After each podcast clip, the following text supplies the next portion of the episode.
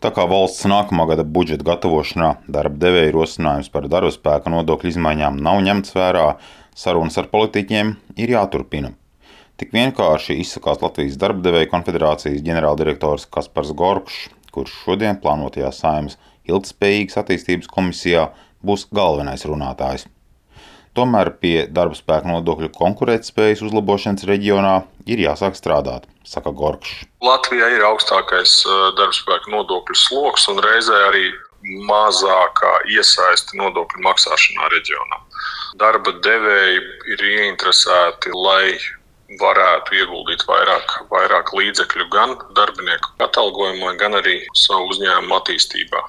Tādēļ ir jāmeklē, kādā veidā veicināt šo darba spēku konkurētspēju, gan arī meklēt veidus, kā iegūt līdzekļus šīs izmaiņu fiskālās ietekmes mazināšanai. Valdības rīcības plāns paredz nodokļu pārskatīšanu, taču darba devēji uzskata, ka par vienīgo izmērāmo rādītāju nedrīkst uzskatīt nodokļu iekasējumības līmeni, kā tas ir pašlaik. Līdzīgu nostāju pauž uzņēmējus pārstāvošā nevalstiskā organizācija Latvijas Tirdzniecības un Rūpniecības kamera. Tās valdes loceklis Jānis Lielpēteris neslēpj, ka pie lielas daļas darba, kas šogad tika paveikts sarunās par nodokļu izmaiņām, līdz ar valdības maiņu ir jāķers no jauna.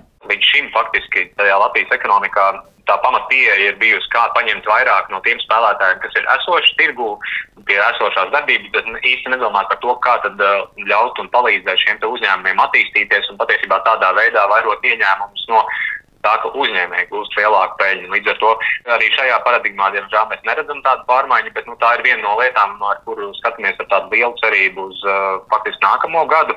Cerams, ka tas uh, darbs rezultāsies tiešām kaut kādā konstruktīvā piedāvājumā, nu, tajās jomās, ko nu, vismaz nodokļu jomā, piemēram, darba spēku nodokļu konkurēt spēju, ko esam minējuši nu, jau šķiet arī nerimstoši jau kādus vismaz gadus piecus. Dažas pozitīvas lietas gan esot gaidāmas jau nākamajā gadā, piemēram, iespēja darba devējiem sekt strādājošā augstākās izglītības iegūs izmaksas bez nodokļu aplikšanas.